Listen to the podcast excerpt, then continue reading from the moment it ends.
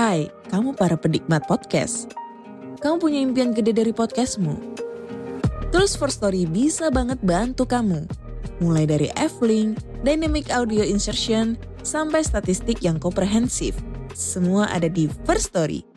Gak ketinggalan kamu bisa monetisasi podcastmu lewat iklan dari First Story Ads yang bisa kasih kamu penghasilan dari setiap place podcastmu. Yuk gabung sekarang dengan klik di firststory.me.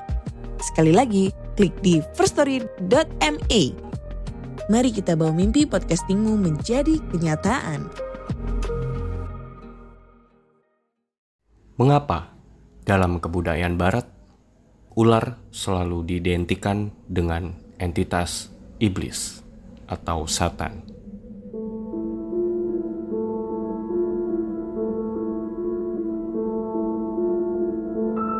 Dalam tradisi Alkitab, ular adalah representasi dari iblis atau satan. Bapa dari segala dusta dan simbol dari kejahatan sejati. Figur ular sendiri juga dikenal sebagai pendusta dan penyesat, serta memiliki sifat cerdik, licik, dan suka memperdaya. Dalam kitab Wahyu, ular juga disebutkan sebagai naga besar, berkepala tujuh, berwarna merah padam, dikenal dengan nama si ular tua, atau yang disebut sebagai iblis dan satan pada hari kiamat. Dalam kitab Yesaya dan kitab Mazmur, ular juga disebut sebagai Leviathan. Monster ular laut raksasa berkepala tujuh yang dikenal dalam mitologi Sumeria dan Assyria sebagai Musmahu dan di Babilonia sebagai Tiamat. Lalu dalam mitologi Yunani dikenal juga sebagai Hydra, monster ular berkepala tujuh yang dikalahkan oleh demigod Hercules. Lalu dalam mitologi Nordik juga dikenal Jormungandr, ular raksasa yang dikalahkan oleh dewa petir Thor pada hari kiamat versi Nordik. Ragnarok. Dalam legenda Jepang ada kisah dewa petir Susanoo melawan Yamata no Orochi, monster ular raksasa berkepala delapan dan berekor delapan. Lalu dalam budaya kuno Cina juga mengenal makhluk mitologis yang menyerupai ular dan sering kali diidentikan dengan naga sebagai lambang keabadian, representasi dari dewa, dan kesempurnaan serta keseimbangan. Sebenarnya ada apa sih dengan ular? Lalu apa hubungannya sosok ular ini dengan angka 7. Let's dig it down, deep dive, and drown. Pertajam analisa lo, perkuat dengan cocoks logi.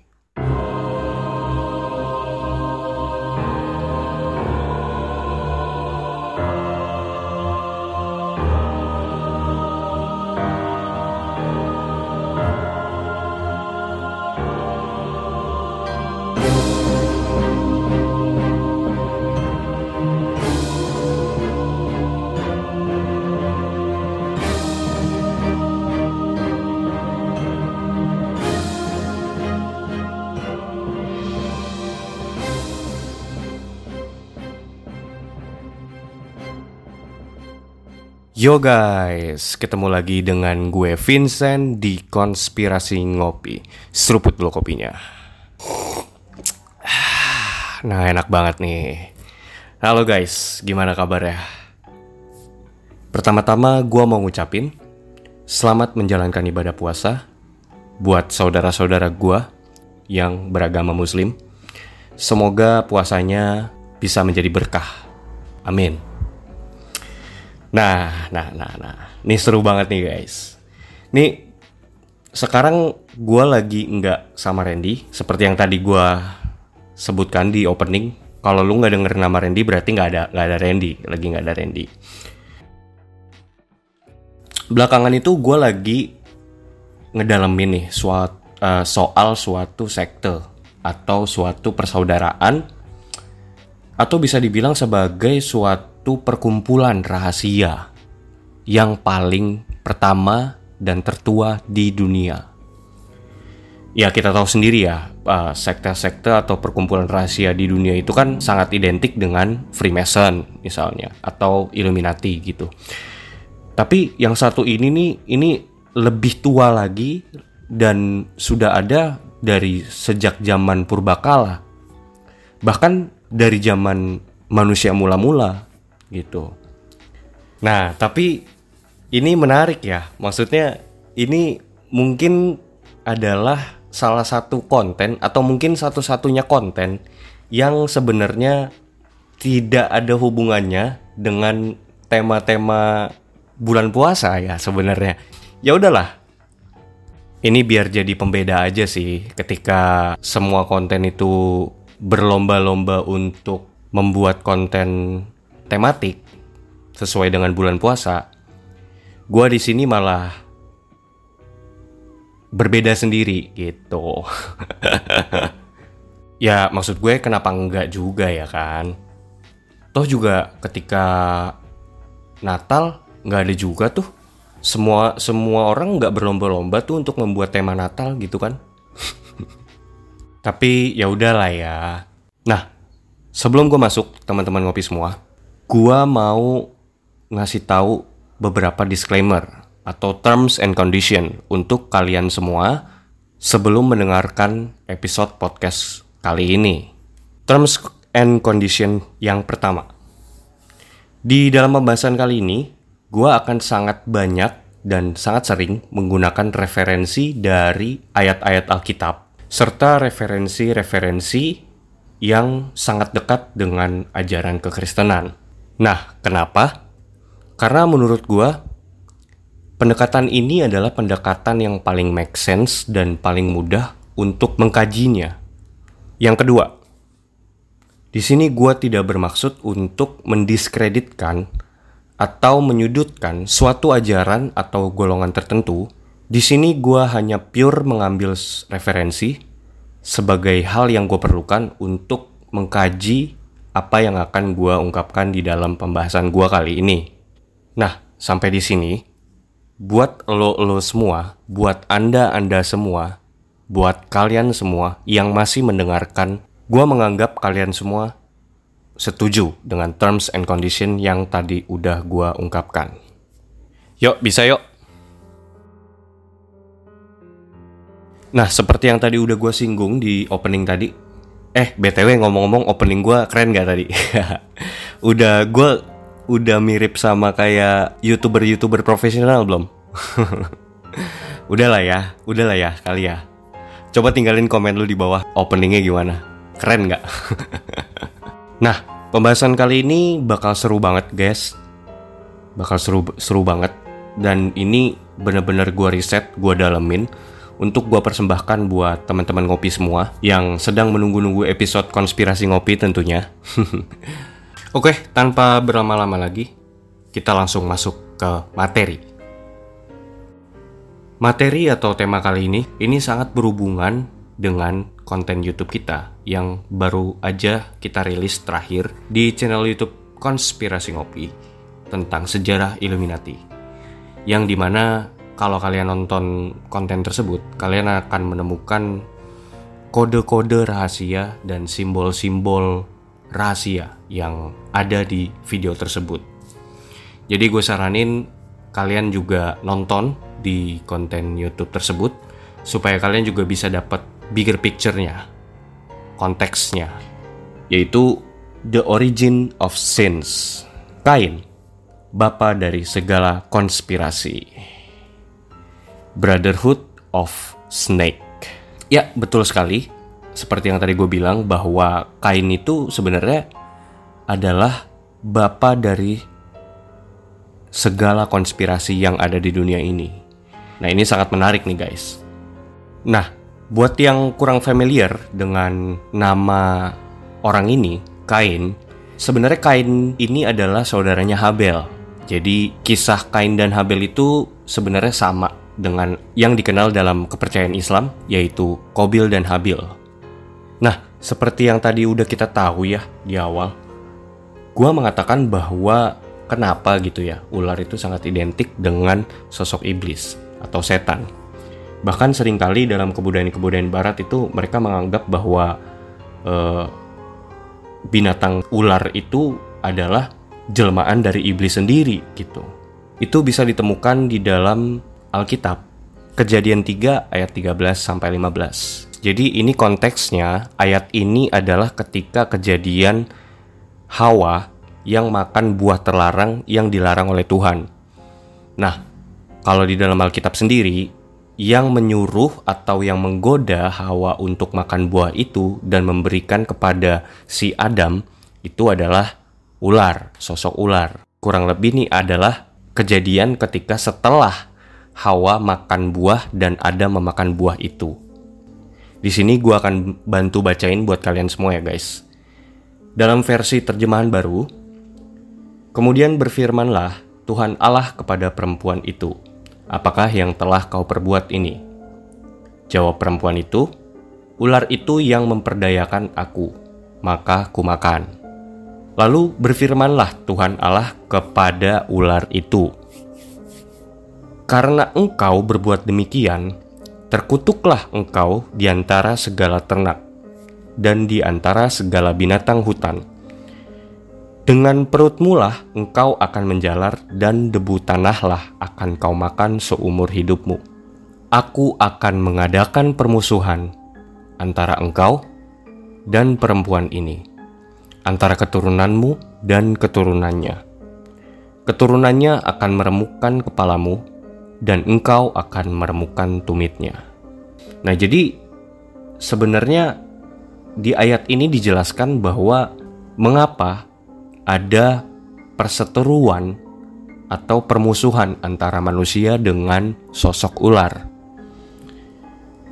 Gua tekankan lagi ya di dalam ayat tadi bahwa dikatakan aku akan mengadakan permusuhan. Aku ini adalah Tuhan ya, guys. Antara engkau, nah engkaunya ini adalah setan atau si ular dengan perempuan ini. Perempuan ini adalah si Hawa gitu, keturunan-keturunannya si Hawa. Antara keturunanmu, keturunanmu ini yang dimaksud adalah keturunannya si setan. Dan keturunannya, keturunannya ini yang dimaksud adalah si Hawa.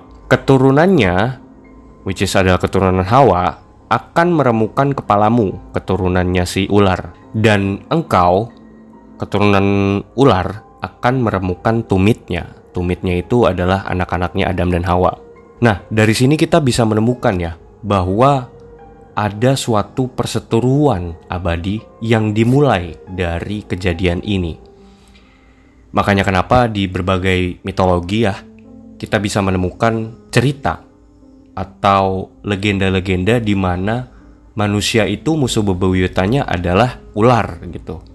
Contoh dalam mitologi Nordik musuh bebuyutannya si dewa petir Thor itu adalah si Jormungandr yang adalah ular raksasa atau yang disebut sebagai ular dunia. Nah, terus juga di mitologi Yunani itu juga ada yang namanya Hydra yang punya kepala tujuh. Jadi kepalanya ada banyak, jumlahnya ada tujuh. Nah itu adalah musuh bebuyutannya si Hercules. Jadi jelas di sini adalah awal mula terjadinya permusuhan antara keturunan Adam dan keturunan si ular. Adam itu adalah keturunan berkat, dan ular itu adalah keturunan kutuk. Nah, ini bakal jadi seru banget nih, guys. Dari sini ceritanya berlanjut, guys, sampai di kisah Kain dan Habel, yang seperti tadi gue bilang bahwa dalam kepercayaan Islam dikenal sebagai Kobil dan Habil. Anak dari pasutri pertama di dunia, Adam dan Hawa, atau yang dikenal sebagai Adamis dan Hevas dalam epos Mahabharata. Di sini gue akan ngebawain ayat Alkitab dari kejadian 4 ayat 2 sampai 16. Ini gue bacain aja supaya kalian bisa dapat konteks dan gambaran jelasnya ya guys. Selanjutnya dilahirkannya lah Habel, adik dari Kain. Dan Habel menjadi gembala, kambing domba, dan Kain menjadi petani. Setelah beberapa waktu lamanya, maka Kain mempersembahkan sebagian dari hasil tanah itu kepada Tuhan sebagai korban persembahan. Habel juga mempersembahkan korban persembahan dari anak sulung kambing dombanya, yakni lemak-lemaknya. Maka Tuhan mengindahkan Habel dan korban persembahannya itu. Tetapi Kain dan korban persembahannya tidak diindahkannya. Lalu, hati Kain menjadi sangat panas, dan mukanya muram. Nah, dari ayat ini ditemukan bahwa dosa iri dan dengki, dosa iri dan dengki ini yang pertama kali muncul di dalam sejarah umat manusia yang pertama. Ini seperti dosa-dosa yang sering kali menjangkit di netizen Indonesia. iri bilang bos. Lanjut ya. Firman Tuhan kepada Kain mengapa hatimu panas dan mukamu muram? Apakah mukamu tidak akan berseri jika engkau berbuat baik? Tetapi jika engkau tidak berbuat baik, dosa sudah mengintip di depan pintu. Ia sangat menggoda engkau, tetapi engkau harus berkuasa atasnya. Lanjut ayat 8. Kata Kain kepada Habel, adiknya, Marilah kita pergi ke padang Ketika mereka ada di padang, tiba-tiba Kain memukul Habel, adiknya itu, lalu membunuh dia. Terus, selang beberapa waktu lama, akhirnya di ayat selanjutnya Tuhan datang kepada si Kain. Di ayat 9, firman Tuhan kepada Kain, "Di mana Habel adikmu itu?" Nah, jawaban Kain nih luar biasa nih. Aku tidak tahu. Apakah aku penjaga adikku? Gila ini ngocol banget nih orang, super ngocol ini. Ini Kain ini adalah manusia pertama yang ngocol guys. Dalam sejarah umat manusia, dia adalah manusia yang paling ngocol. Pas ditanya sama Tuhan, di mana ade lo gitu kan? Terus dia jawab, bilang nggak tahu. Kok tanya saya? Eh bukan gitu, maksudnya dia jawabannya tuh aku tidak tahu dia dia jawab kayak gitu cuman dengan mungkin dengan nada yang ocol gitu ya kan nah ini nih sebenarnya adalah suatu tindak kebohongan pertama yang dilakukan manusia terhadap yang maha tinggi. Sang maha tahu gitu kan. Ini kan lucu banget gitu. Lu ngocol dan lu berbohong sama Tuhan yang maha tahu gitu. Itu kan perbuatan yang konyol ya sebenarnya. Cuman ini gue ngelihat dari sini ada suatu pertentangan gitu dari si kain sendiri gitu. Dan ini kan sebenarnya merupakan natur dari sifatnya si Satan atau iblis yang dikenal sebagai bapa dari segala pendusta gitu. Lanjut di ayatnya yang ke-10, firmannya, firman Tuhan, apakah yang telah kau perbuat ini? darah adikmu itu berteriak kepadaku dari tanah. Gue ulangi, darah adikmu itu, Habel, berteriak kepadaku dari tanah.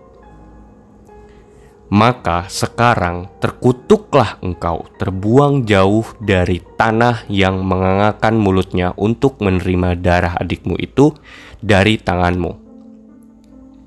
Apabila engkau mengusahakan tanah itu, maka tanah itu tidak akan memberikan hasil sepenuhnya lagi kepadamu. Engkau menjadi seorang pelarian dan pengembara di bumi. Kata Kain kepada Tuhan, hukumanku itu lebih besar daripada yang dapat kutanggung. Nah ini coba gue jelasin dikit ya guys.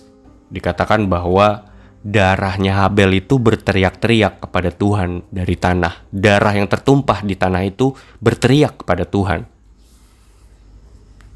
Nah, di sini terjadi suatu kutukan, guys. Kutukan yang diberikan kepada Kain dari Tuhan, gitu. Dikatakan bahwa apabila Kain mengusahakan tanah itu, maka tanah itu tidak akan memberikan hasil sepenuhnya lagi kepadamu. Kain ini adalah petani, guys. Tapi di ayat ke-13 ini lagi-lagi Kain di sini tuh ngocol. Dia di sini tuh kayak ngejawab gitu Hukumanku itu lebih besar daripada yang dapat kutanggung, katanya si Kain kepada Tuhan. Nah ini nih sebenarnya adalah dosa pembantahan atau dosa pembelaan diri. Seperti para koruptor yang ketahuan korupsi di Los Santos ya guys. Nah, ini gue lanjut di, guys di ayat yang ke-14. Engkau menghalau aku sekarang dari tanah ini dan aku akan tersembunyi dari hadapanmu. Seorang pelarian dan pengembara di bumi. Maka barang siapa yang akan bertemu dengan aku, tentulah akan membunuh aku, kata Kain.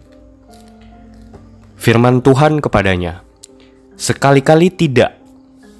Barang siapa yang membunuh Kain akan dibalaskan kepadanya tujuh kali lipat. Kemudian Tuhan menaruh tanda pada Kain supaya ia jangan dibunuh oleh barang siapa pun yang bertemu dengan dia. Nah, di sini dikatakan bahwa Kain ini khawatir gitu. Karena kan setelah dia dikutuk dari tanah itu, artinya dia harus keluar dari tanah itu. Makanya di sini Tuhan mengadakan suatu sumpah yang diiringi oleh kutuk yang tadi udah diberikan Tuhan kepada Kain. Barang siapa yang membunuh Kain akan dibalaskan tujuh kali lipat. Nah ini menarik nih.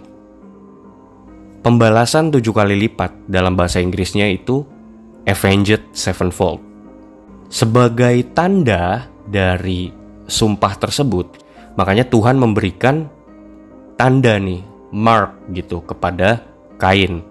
Mungkin mungkin ya, mungkin gue juga nggak tahu lebih tepatnya tandanya itu tanda seperti apa apakah tato atau apa gitu cuman mungkin diletakkan di dahinya ya mungkin ya gue juga nggak tahu gitu. Nah lalu di ayat selanjutnya lalu kain pergi dari hadapan Tuhan dan ia menetap di tanah Not di sebelah timur Eden. Nah sempat gue searching Not itu adalah tanah pengembaraan dan pengasingan arti dari tanah Not itu sendiri. Ini coba kita analisa ya secara spesifik. Kutukan apa yang dijatuhkan pada Kain si pembunuh? Satu, tanah itu menolak Kain gitu. Jadi kutukan ini tuh lebih serius sebenarnya daripada kutukan yang dijatuhkan kepada Adam. Dulu kan Adam setelah memakan buah itu Tuhan mengutuk dia untuk bersusah payah mendapatkan hasil dari tanah. Tapi bagi Kain, dampak kutukannya itu lebih ekstrim yaitu tanah itu tidak akan menghasilkan buah apa pun. Sekali lagi, tidak akan menghasilkan buah apa pun. Kutukan yang kedua adalah dia dihalau dari bumi. Hidup sebagai pengembara, tidak ada lagi tempat untuk beristirahat yang damai bagi si Kain. Nah, hal yang perlu gua garis bawahi tadi adalah di dalam ayat-ayat tersebut, selain si Kain menerima kutukan, dia juga diberi tanda oleh Tuhan di mana ketika ada orang yang membunuh Kain itu akan dibalaskan tujuh kali lipat, avenged sevenfold. Nah, sebenarnya ini tuh berbicara tentang hutang dosa, yaitu membunuh si Habel. Hutang dosa ini akan dia wariskan dan dibawa sampai keturunannya yang ketujuh. Jadi keturunannya si Kain ini adalah keturunan yang mengemban dosa dari si Kain ini gitu kurang lebihnya. Makanya dikatakan di sini sebenarnya ada suatu kutuk tujuh turunan. Nanti kita akan mengeksplor lebih jauh ya tentang kutuk tujuh turunan ini.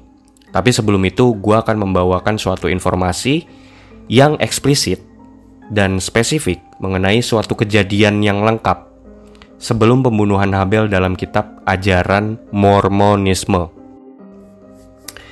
Nah, di sini gue juga mau disclaimer, mohon jadikan informasi ini sebagai referensi. Ini tidak patut untuk dipercayai, ya. Dalam kitab ajaran Mormonisme, kitab Musa bab 5 ayat 28 sampai 31. Ini gue akan ngebacain dari bahasa Inggrisnya lalu gue akan translate ke dalam bahasa Indonesia.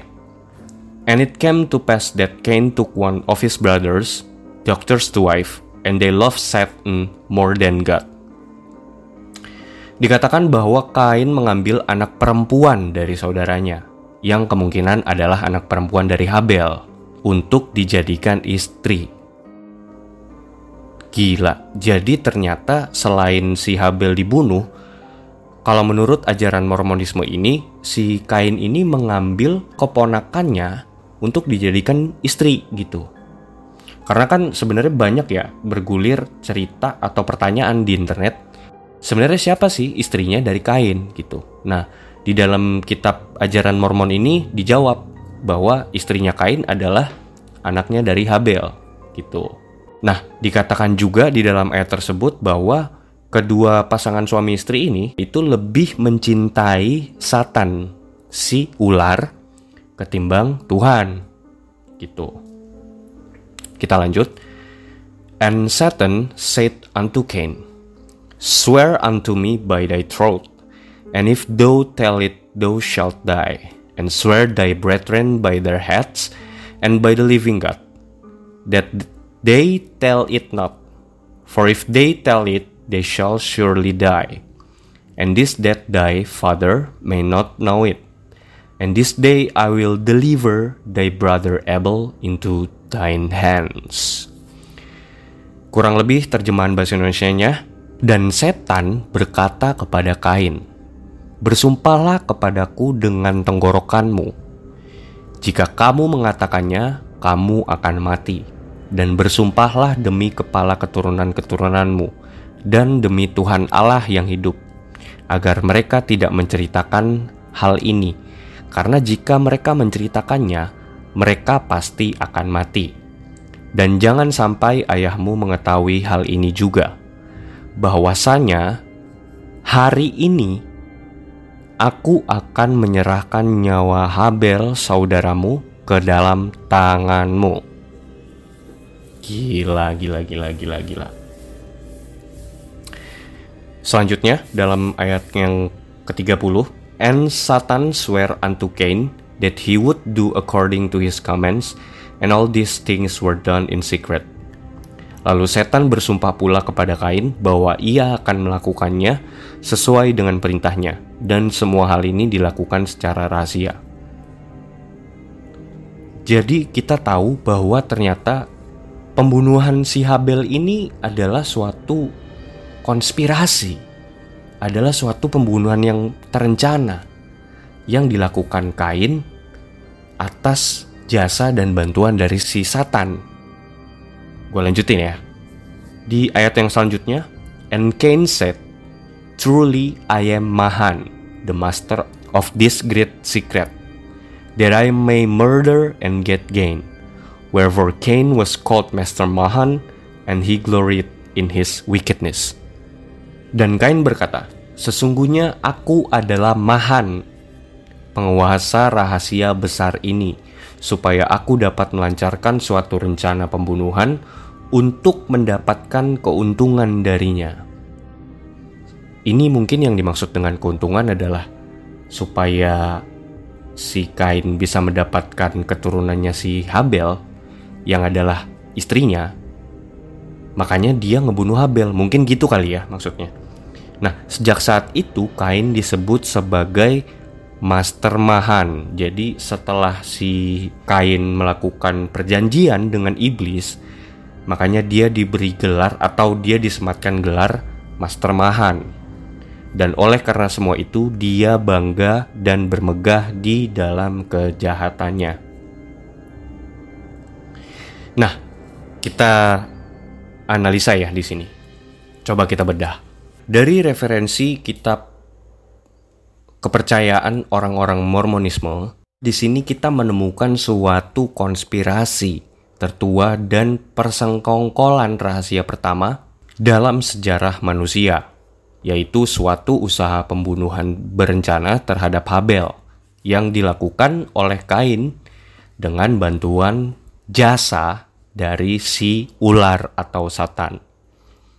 Bahwa dalam literasi tersebut Dikatakan pemegang rahasia konspirasi persengkokolan tersebut itu diberi gelar sebagai Master Mahan yang bisa diartikan sebagai orang yang melakukan perjanjian pertama dengan si iblis. Jadi mungkin istilah Master Mahan ini adalah gelar yang diberikan kepada orang yang melakukan perjanjian dengan iblis atau satan atau ular. Nah, sering waktu ketika gue cari tahu tentang apa sih sebenarnya Master Mahan ini, Sering waktu, penyebutan gelar Master Mahan ini bergeser penggunaannya. Dan bergeser penyebutannya yang tadinya master mahan menjadi master mason. Nah, di sini udah ketemu ya benang merahnya ya. Bahwa dari informasi ini pula kita menemukan bahwa keturunan manusia awal-awal yang pertama kali melakukan perjanjian dengan iblis adalah Kain. Nah, sebenarnya perjanjian Kain dan iblis ini berlaku sampai tujuh turunan bersamaan dengan kutukan Tuhan yang juga ikut diwariskan sampai tujuh generasi setelahnya. Maka sejak saat itu dikenallah kutuk tujuh turunan yang dipelopori oleh Kain sebagai bapa dari keturunan ular, turunan hutang, dan pewaris dosa. Ya bisa dikatakan Kain ini adalah bapa dari segala konspirasi sih. Bapa dari konspirasi tertua di dunia. Nah ini menarik nih. Sebelum kita masuk ke dalam kutuk tujuh turunan ini, gue mau ngejelasin sedikit tentang darah. Ketika si Kain membunuh Habel, itu kan dikatakan bahwa darahnya Habel itu kan berteriak-teriak kepada Tuhan. Seolah-olah darahnya itu meminta pembalasan gitu ya. Nah, bicara mengenai darah, ini menarik nih. Soalnya ada juga tertulis dalam kisahnya Nabi Nuh ketika setelah tepat setelah kejadian banjir bandangnya surut. Nabi Nuh itu kan keluar dan melakukan persembahan kepada Tuhan, Yahweh gitu kan. Nah, di situ juga tertulis tuh tentang darah. Tepatnya di Kejadian 9 ayat 5 sampai 6. Ini yang ngomong Tuhan kepada si Nabi Nuh. Tetapi mengenai darah kamu, yakni nyawa kamu, aku akan menuntut balasnya dari segala binatang aku akan menuntutnya. Dan dari setiap manusia, aku akan menuntut nyawa sesama manusia. Siapa yang menumpahkan darah manusia, darahnya akan tertumpah oleh manusia, sebab Allah membuat manusia itu menurut gambarnya sendiri. Nah, dari sini kita tahu ya bahwa sebenarnya ada suatu hukum, hukum yang paling tua bahkan sebenarnya. Ini adalah hukum yang paling dulu gitu dari Tuhan yang diberlakukan kepada keturunan-keturunan manusia, yaitu suatu keadilan, yaitu suatu keseimbangan gitu. Bahwa dikatakan kalau misalnya ada orang yang menumpahkan darah seseorang, maka orang tersebut juga harus ditumpahkan darahnya. Hukum timbal balik gitu loh. Nah, makanya ini menjelaskan ketika kejadian si Kain itu mau diusir dan cabut dari tanah orang tuanya itu, Adam dan Hawa, Tuhan mengadakan sumpah itu kepada Kain bahwa jika ada yang membunuh Kain selama tujuh generasi Kain, maka akan berlaku sumpah itu, yaitu orang yang membunuh Kain akan dibalaskan tujuh kali lipat, avenged sevenfold. Nah, kembali lagi ke soal darah. Sebenarnya darah adalah kurensi yang paling sakral dalam dunia roh ya. Bisa dikatakan bahwa ketika Habel dibunuh, ketika darahnya itu tertumpah, ketika darahnya itu berteriak-teriak kepada Tuhan, itu kayak seolah-olah tuh darahnya berteriak meminta suatu keadilan, suatu justice dan pembalasan. Nah ini gue kalau ngomongin soal darah nih agak merinding nih. Karena ini hubungannya sama dunia spiritual dan roh ya. Karena seperti yang tadi udah gue bilang bahwa darah itu adalah kurensi yang paling sakral dalam dunia roh. Nah, makanya ini menjelaskan ketika suatu tanah itu pernah terjadi pertumpahan darah atas suatu kejadian yang sengaja ataupun tidak sengaja. Dan biasanya kejadian ini tuh janggal dan tidak wajar gitu. Misalnya, kejadian kecelakaan atau bunuh diri atau penumbalan, pengorbanan darah atau manusia atau hewan dan pesugihan Makanya tanah itu akan menjadi tempat yang dikutuk. Kenapa? Karena seperti yang tertulis dalam Alkitab tadi bahwa ketika darah itu tertumpah, darah itu akan berteriak-teriak meminta keadilan dan pembalasan. Darah itu langsung berteriak kepada Tuhan bahkan.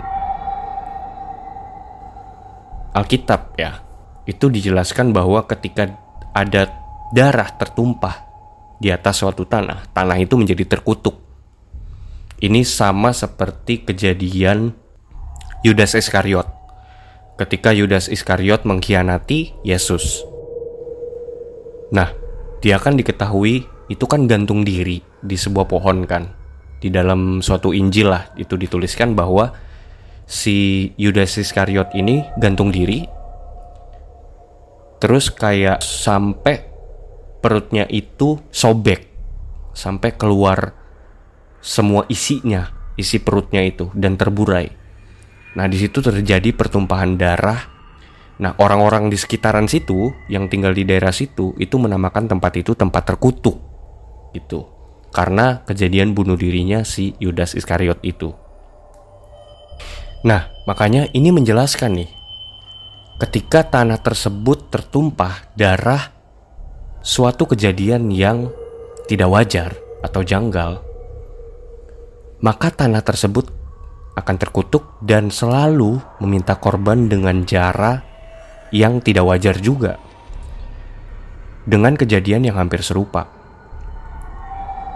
Ini juga paling tidak menjelaskan fenomena rumah angker, suatu jalan yang rawan kecelakaan, atau tumbal proyek, bangunan bekas loji, ya gitu-gitulah pokoknya. Kalian pernah nggak sih dengar cerita kalau kayak ada suatu jalan yang rutin entah kayak setahun setahun tuh beberapa kali itu jalan itu tuh kayak minta tumbal gitu. Jadi setiap bulan gitu atau setiap beberapa waktu sekali jalanan itu tuh akan selalu memakan korban sampai jalanan itu tuh dikasih rambu rawan kecelakaan. Nah, biasanya tempat-tempat kayak gitu tuh bakal dicap sama orang-orang sekitar dan bakal jadi cerita rakyat tuh bahwa jalanan tersebut emang jalan peminta tumbal. Terus juga kalian pernah dengar gak sih bahwa kayak ada suatu cerita di mana ada suatu bangunan atau rumah yang suka terjadi kejadian yang hampir sama berulang-ulang dan terus-menerus gitu. Ya mungkin uh, rentang waktunya itu bisa misalnya enam tahun sekali atau mungkin bahkan bisa sampai satu tahun sekali. Itu terjadi suatu kejadian yang tidak wajar tapi dengan pattern yang sama. Misalnya ya, contoh-contoh gitu. Misalnya di dalam bangunan itu dulu pernah ada orang bunuh diri lompat dari jendela gitu misalnya anjing gue gue ngomongin ini langsung berinding nah ntar dua tahun atau tiga tahun lagi ketika ada orang baru yang menempati tempat itu bangunan itu itu juga akan ada kejadian bunuh diri lagi tapi dengan cara yang sama loncat dari jendela lagi dan bakal gokil banget kalau misalnya kejadiannya di jendela itu juga gitu. Itu ngeri banget sih guys. Tapi ada cerita-cerita kayak gitu tuh ada aja gitu di di tersebar gitu di masyarakat kita. Nah kalau untuk hal ini gue pernah ya denger dari salah satu konten kreator lah yang juga muncul di Noise itu dari Om Hao. Jadi Om Hao pernah bilang bahwa itu sebenarnya fenomena residual energi. Jadi ketika seseorang meninggal, energinya itu akan membekas di dalam suatu tempat.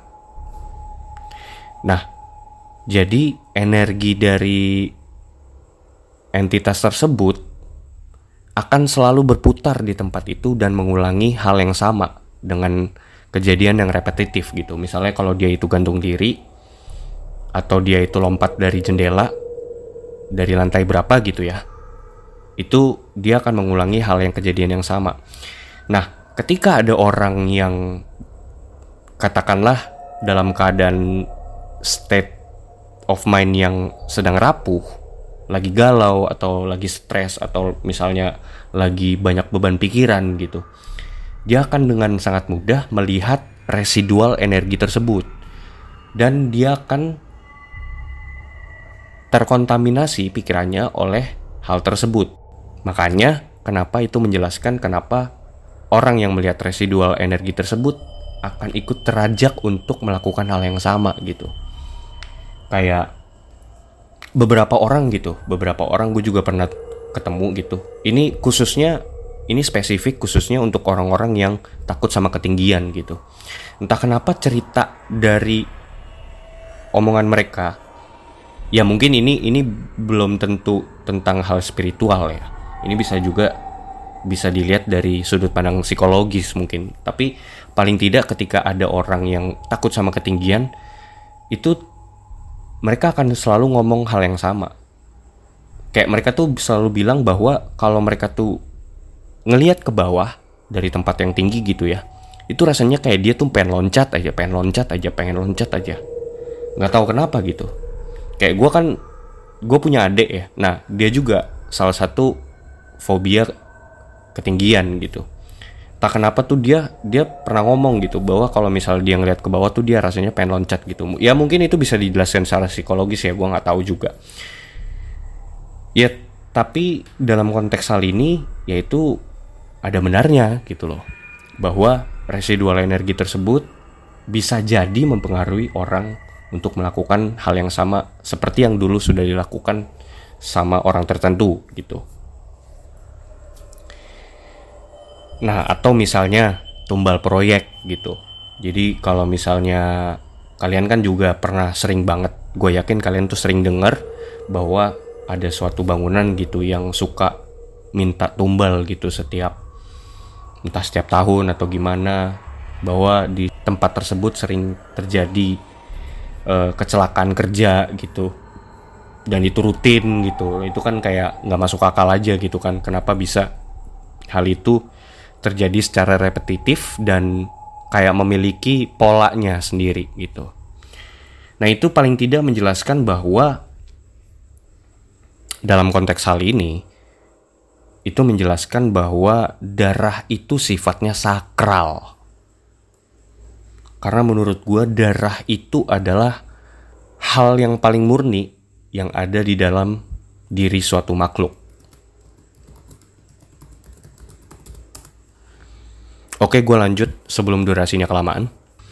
Kembali lagi di dalam kejadian pembunuhan kain tersebut atas darah adiknya Habel yang tertumpah itu maka Kain dibebankan hutang atau kutukan dosa yang harus ia lunaskan selama tujuh turunan.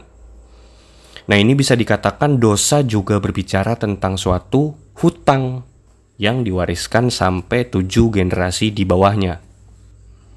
Nah jadi kalian sampai di sini tahu ya bahwa kitab kejadian itu menjelaskan bahwa dosa itu diwariskan sampai tujuh turunan setelahnya. Apalagi ketika dosa itu tuh bersangkutan dengan perjanjian dengan entitas gelap atau iblis. Nah, dalam hal ini si Kain itu melakukan perjanjian langsung sama bos besarnya, yaitu si ular atau satan. Nah, kita tahu ya bahwa setan itu atau satan itu kan sosoknya itu ular. Nah, ular itu dikatakan sebagai ciptaan yang sangat cerdik dan terkenal licik. Dia akan mengikat dan melilit keturunan orang yang melakukan perjanjian dosa dengannya sampai dengan keturunan yang ketujuh. Ini bisa di bisa dimengerti dengan konsep kontrak lah kurang lebih gitu. Jadi ketika lo udah tanda tangan kontrak di generasi pertama, maka kontrak tersebut berlaku selama tujuh generasi setelahnya. Nah, dalam hal ini gue akan mengajak kalian untuk melihat dalam tujuh generasi keturunan Kain. Generasi pertama yang melakukan perjanjian dengan iblis atau Satan adalah si Kain. Lalu Kain memperanakan Henok. Ini Henoknya beda ya dengan Henok yang menulis kitab ya. Ini adalah Henok dari garis keturunan Kain. Beda orang, tapi namanya sama. Terus Henok memperanakan Irat di generasi ketiga Generasi keempat ada Mehu Yael. Generasi kelima itu ada Metusael. Generasi keenam ada Lamek. Lalu generasi ketujuh, generasi terakhir ada Naamah. Nah, sampai di sini berarti kan harusnya dosa itu sudah lunas dibayarkan sampai di generasi nya si Naamah. Dosa dosanya si Kain kepada si Habel itu ya. Makanya kutukannya Tuhan itu berlaku sampai tujuh turunan, cukup sampai di generasi ketujuhnya si Kain yaitu adalah Naamah gitu. Dan demikian juga berlaku dengan kontraknya iblis dengan Kain, yaitu sampai keturunannya yang ketujuh yaitu Naamah. Nah, yang tadinya yang harusnya hutang kutuk dosa yang dilakukan oleh Kain itu udah lunas di keturunan ketujuh Kain yang adalah Naamah, tapi sebelum hutang dosa tersebut lunas, ular udah melakukan suatu tindakan preventif, yaitu perpanjangan kontrak dengan garis keturunan keenamnya Kain, yaitu Lamek. Gitu loh. Jadi sebelum kontraknya habis di generasi ketujuh, ular tuh seperti melakukan tindakan preventif untuk memperpanjang masa kontraknya dengan garis keturunan kain. Jadi seolah-olah tuh ini sama kayak sistem kredit gitu loh. Jadi ketika kreditan itu belum lunas, lu so lu tuh bakal ditawarin untuk ngambil kreditan lagi. Kurang lebih kayak gitulah ya.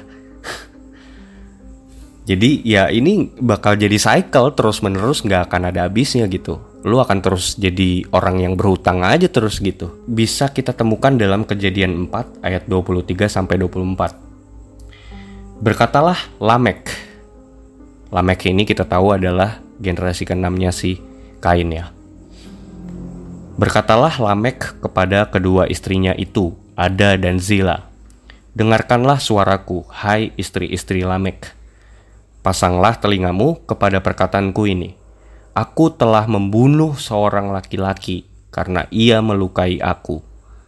Membunuh seseorang karena ia memukul aku sampai bengkak. Sebab, ini tolong garis bawahi ya.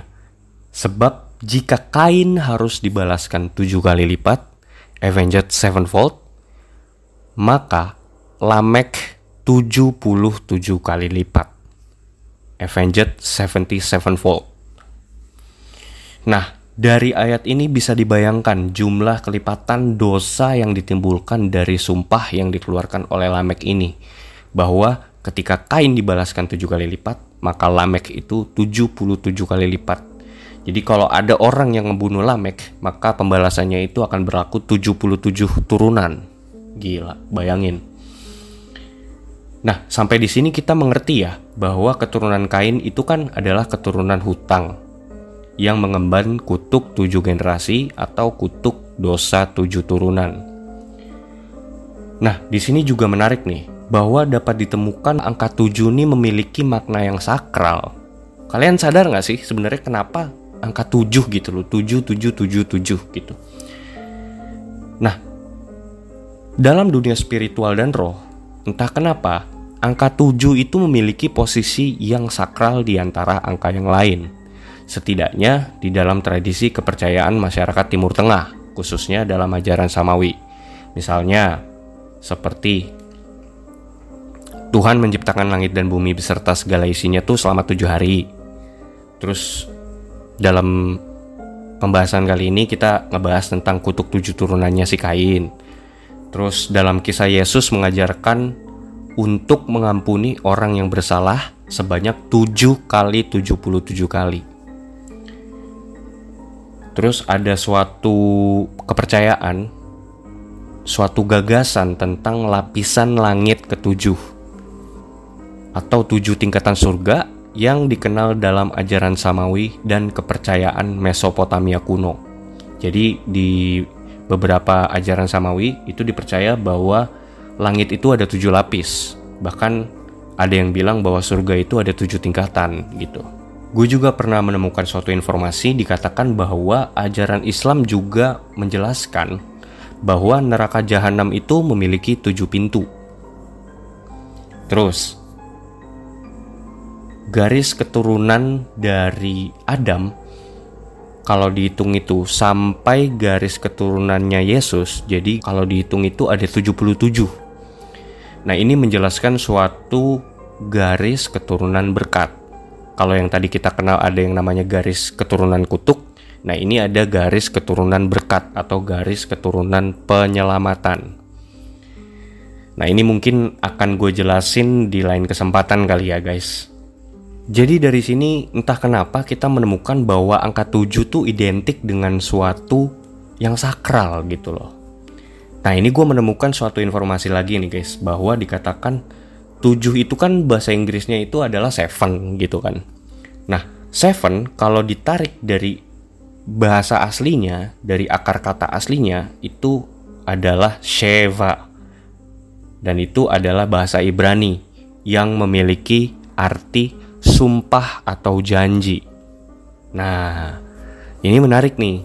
Jadi ternyata angka 7 ini identik dengan makna sumpah atau janji atau perjanjian yang dalam bahasa Inggrisnya covenant.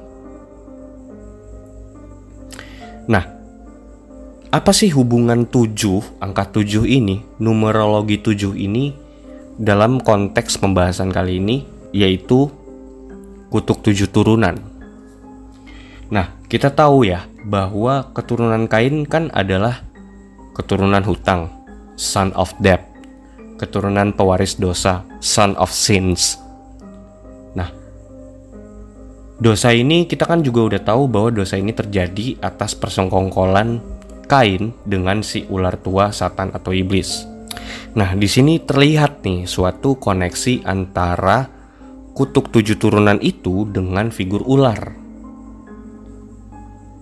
Secara spesifik, figur ular itu banyak digambarin di berbagai kisah legenda dan mitologi itu mempunyai kepala tujuh gitu. Sama seperti di opening, kayak misalnya di kitab Wahyu, itu dikatakan ular ular itu kan identik sama naga gitu ya naga pada merah yang memiliki kepala tujuh dalam kepercayaan agama Kristen. Terus juga di dalam legenda Yunani, dalam epos Hercules melawan Hydra, ketika Hercules berhasil memotong satu kepala Hydra, maka dari setiap satu kepala yang terpotong itu akan tumbuh dua kepala yang baru. Dan akan berlaku seterusnya. Nah, di sini berarti Hydra itu tuh punya ability untuk meregenerasi kepalanya untuk tumbuh ketika kepalanya putus gitu. Dan kayaknya Hydra ini bakal numbuhin kepalanya terus-menerus dan nggak akan ada habisnya gitu. Nah ini kalau kita mau ngomongin tujuh kepala ini itu berhubungan dengan perlambangan dosa gitu. Bahwa kepala Hydra yang dipotong sama Hercules dan tumbuh lagi itu di itu disimbolkan sebagai siklus yang tiada akhir. Perlambangan dosa yang beregenerasi menjadi berlipat-lipat ganda. Hutang yang terus melilit dan terus berbunga menjadi suatu cycle yang akan terjadi terus-menerus. Suatu lingkaran setan yang akan terus berputar tidak ada habisnya.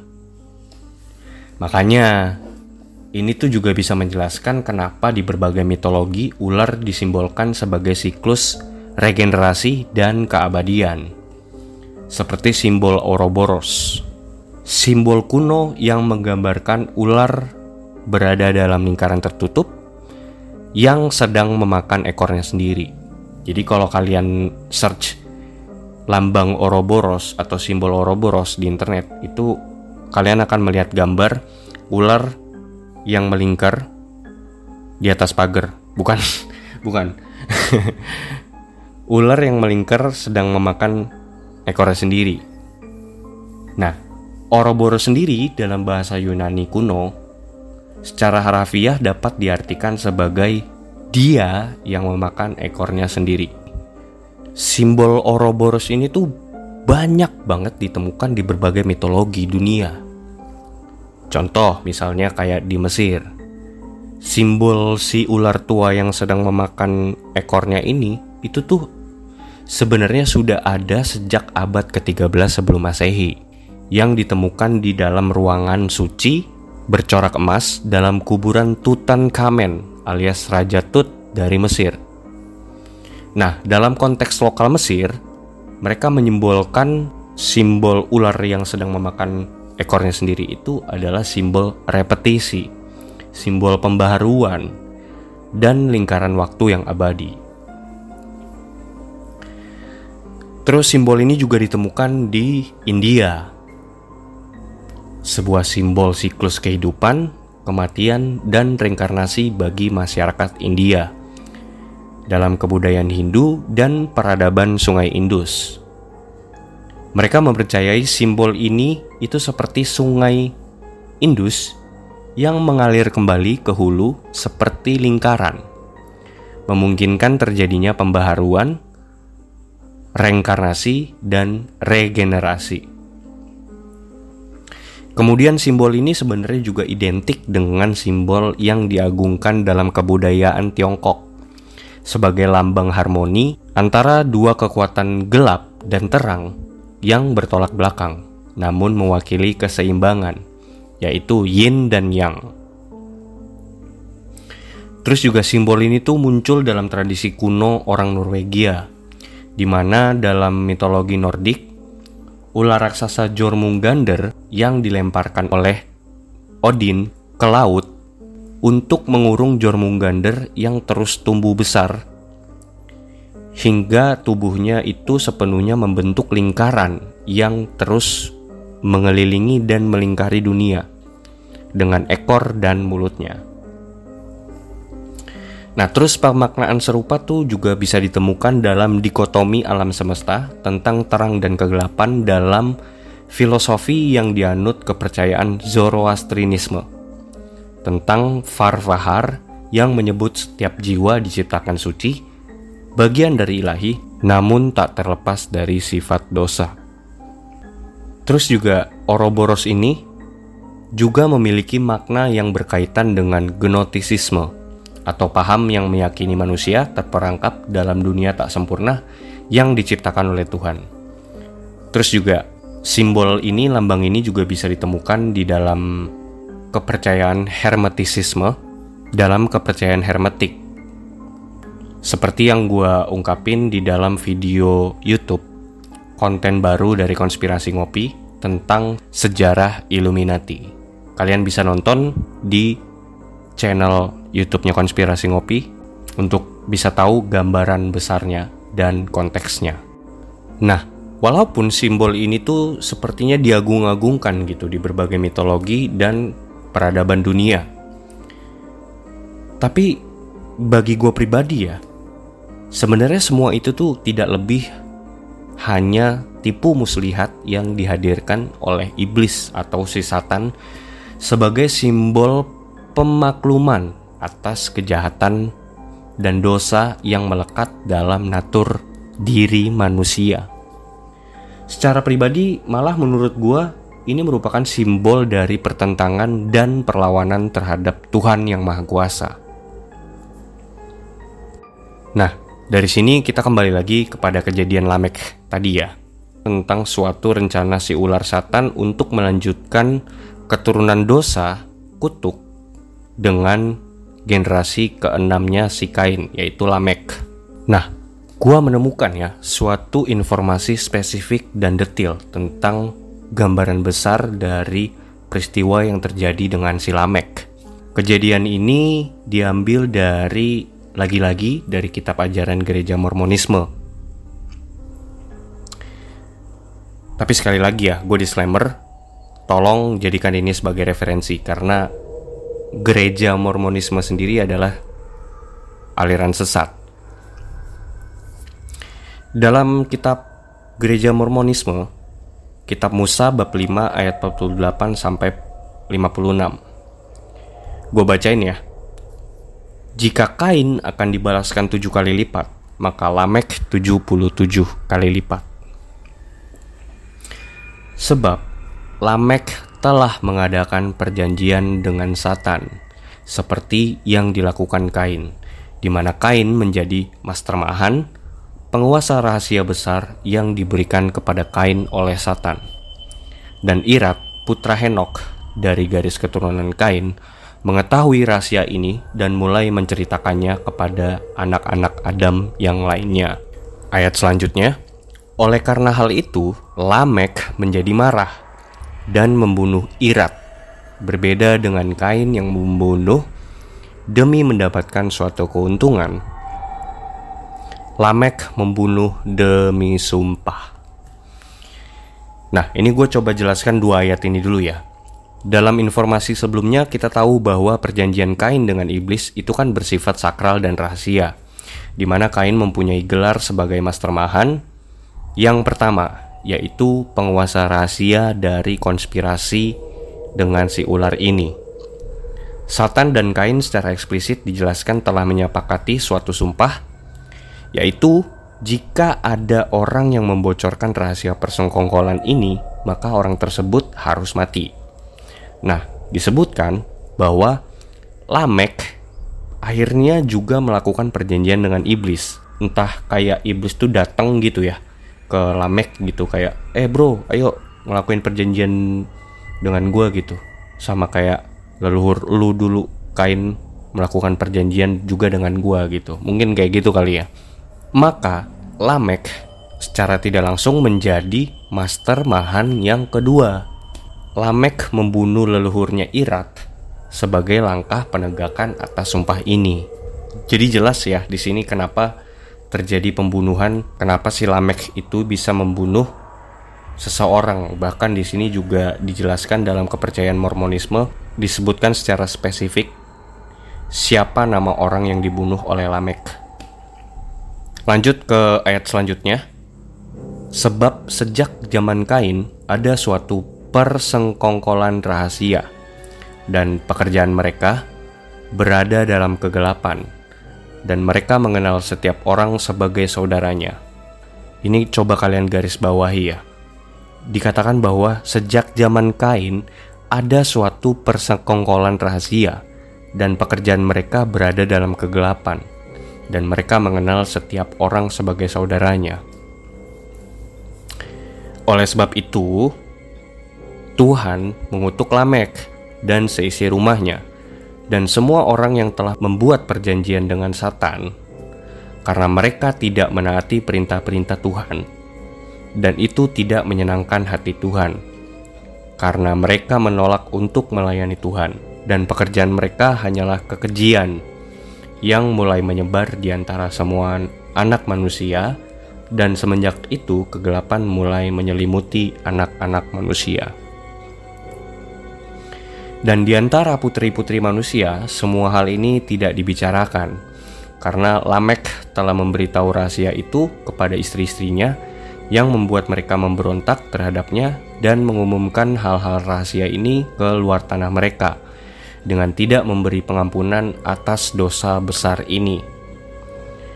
Oleh karena itu, Lamek dikucilkan dan diusir, lalu menyembunyikan diri dari antara anak-anak manusia supaya dia tidak mati.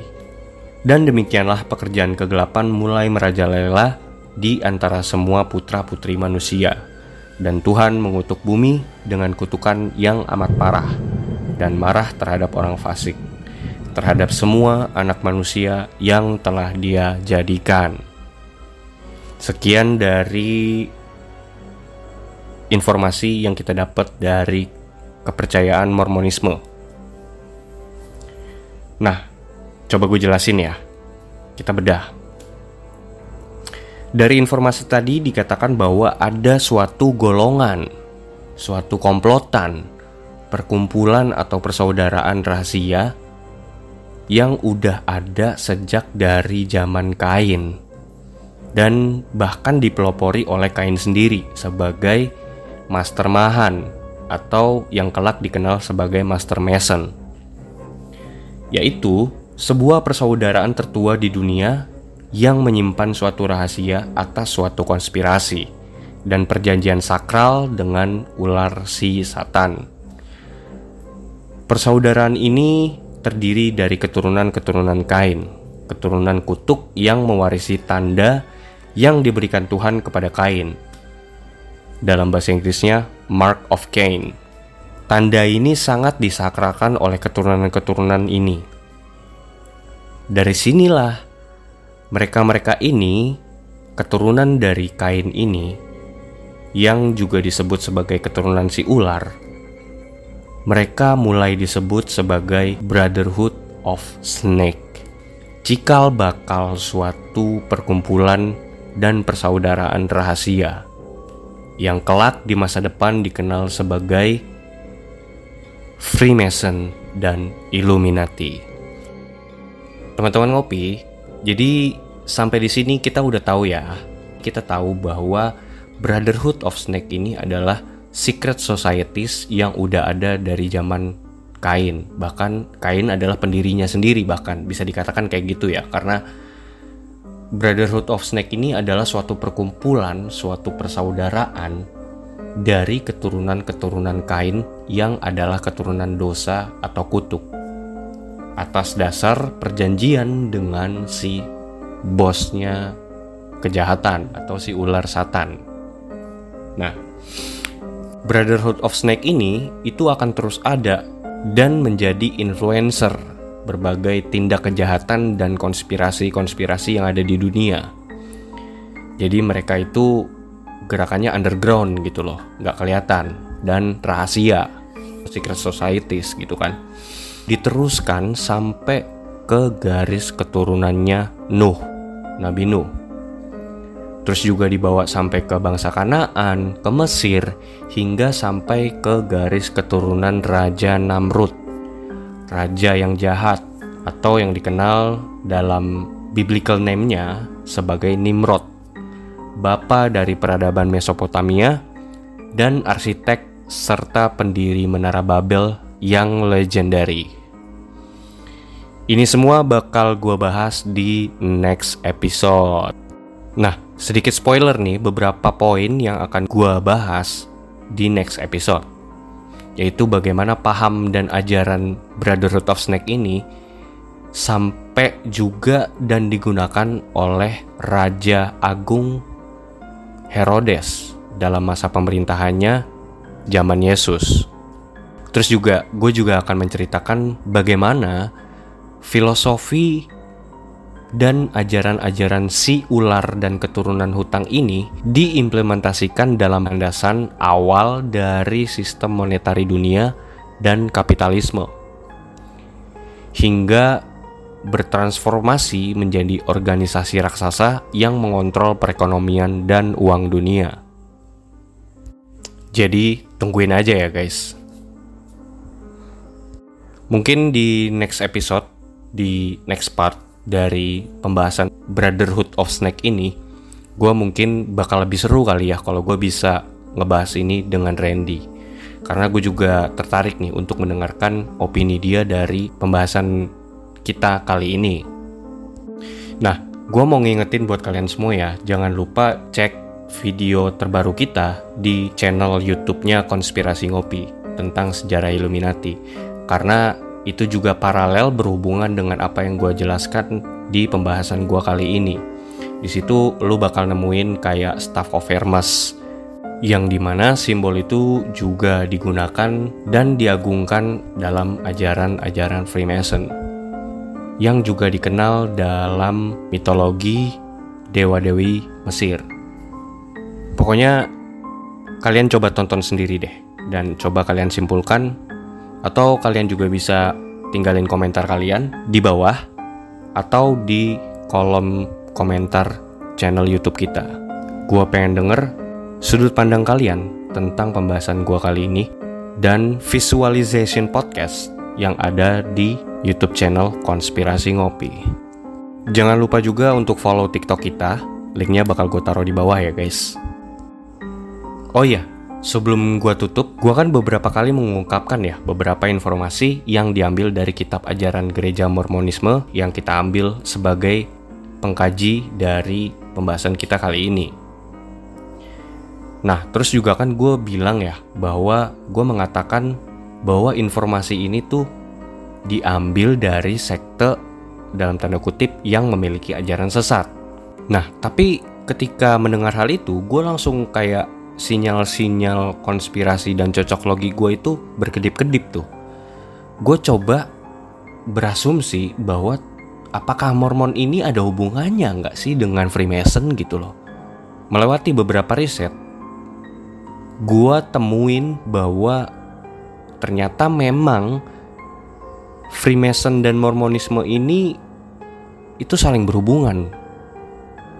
Oke guys, sekian dari pembahasan kali ini tentang part 1 dari Brotherhood of Snake dan Origin of Sins. Keturunan dari bapak konspirasi terbesar di dunia, Kain. Gue Vincent, mohon pamit undur diri. Kita ketemu di konten-konten selanjutnya. Konspirasi ngopi, seruput dulu kopinya.